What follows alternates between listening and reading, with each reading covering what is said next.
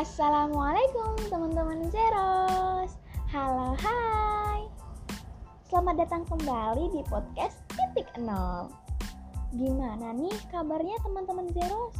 Semoga kita semua selalu sehat ya.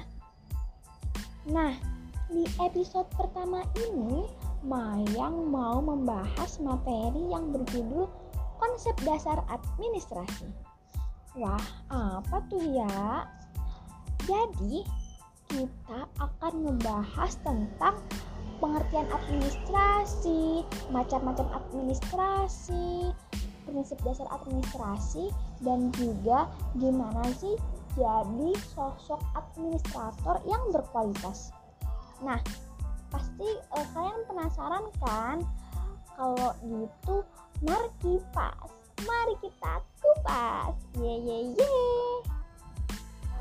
Yang pertama, pengertian administrasi. Nah, pasti teman-teman Zeros di sini nggak asing kan dengan kata administrasi.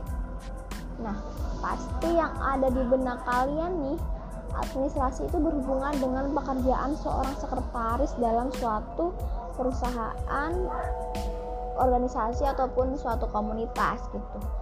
Yang mana mereka mencatat, menulis, bikin surat ataupun hal-hal yang berhubungan dengan pemberkasan gitu kan. Jadi benar sekali teman-teman. Jadi dalam arti sempit administrasi itu berarti catat mencatat ketik mengetik surat menyurat ataupun hal-hal lain yang dikerjakan secara sistematik yang mana hal tersebut bertujuan untuk sebagai pemberkasan gitu.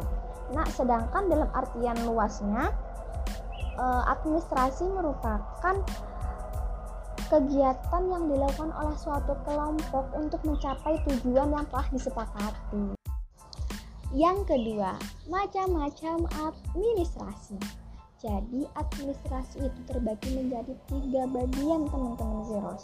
Yang pertama yaitu administrasi negara, yang kedua administrasi swasta, dan yang ketiga administrasi internasional.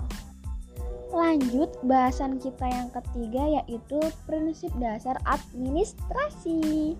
Nah, prinsip dasar administrasi itu adalah menyusun atau menulis teman-teman Zeros.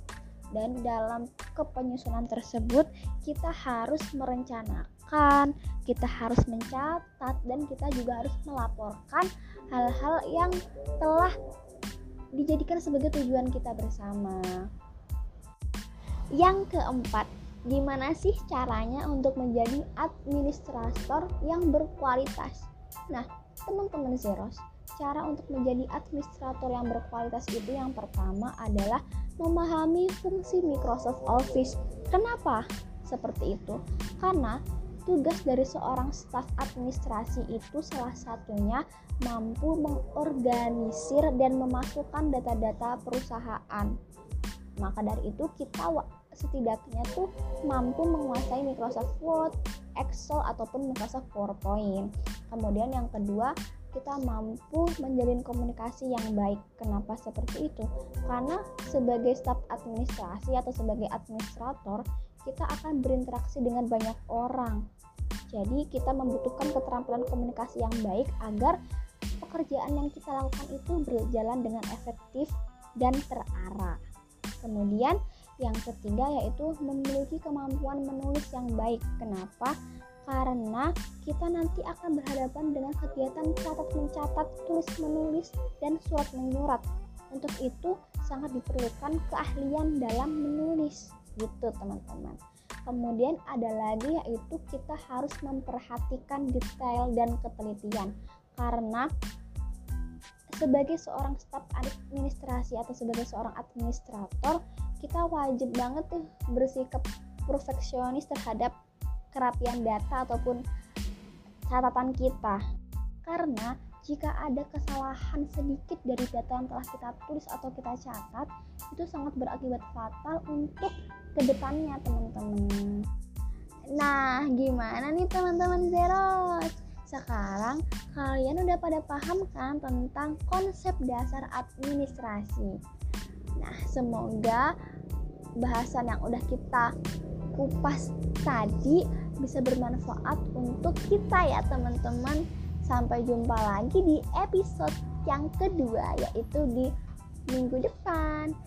Stay tune ya and see you. Bye bye wassalamualaikum warahmatullahi wabarakatuh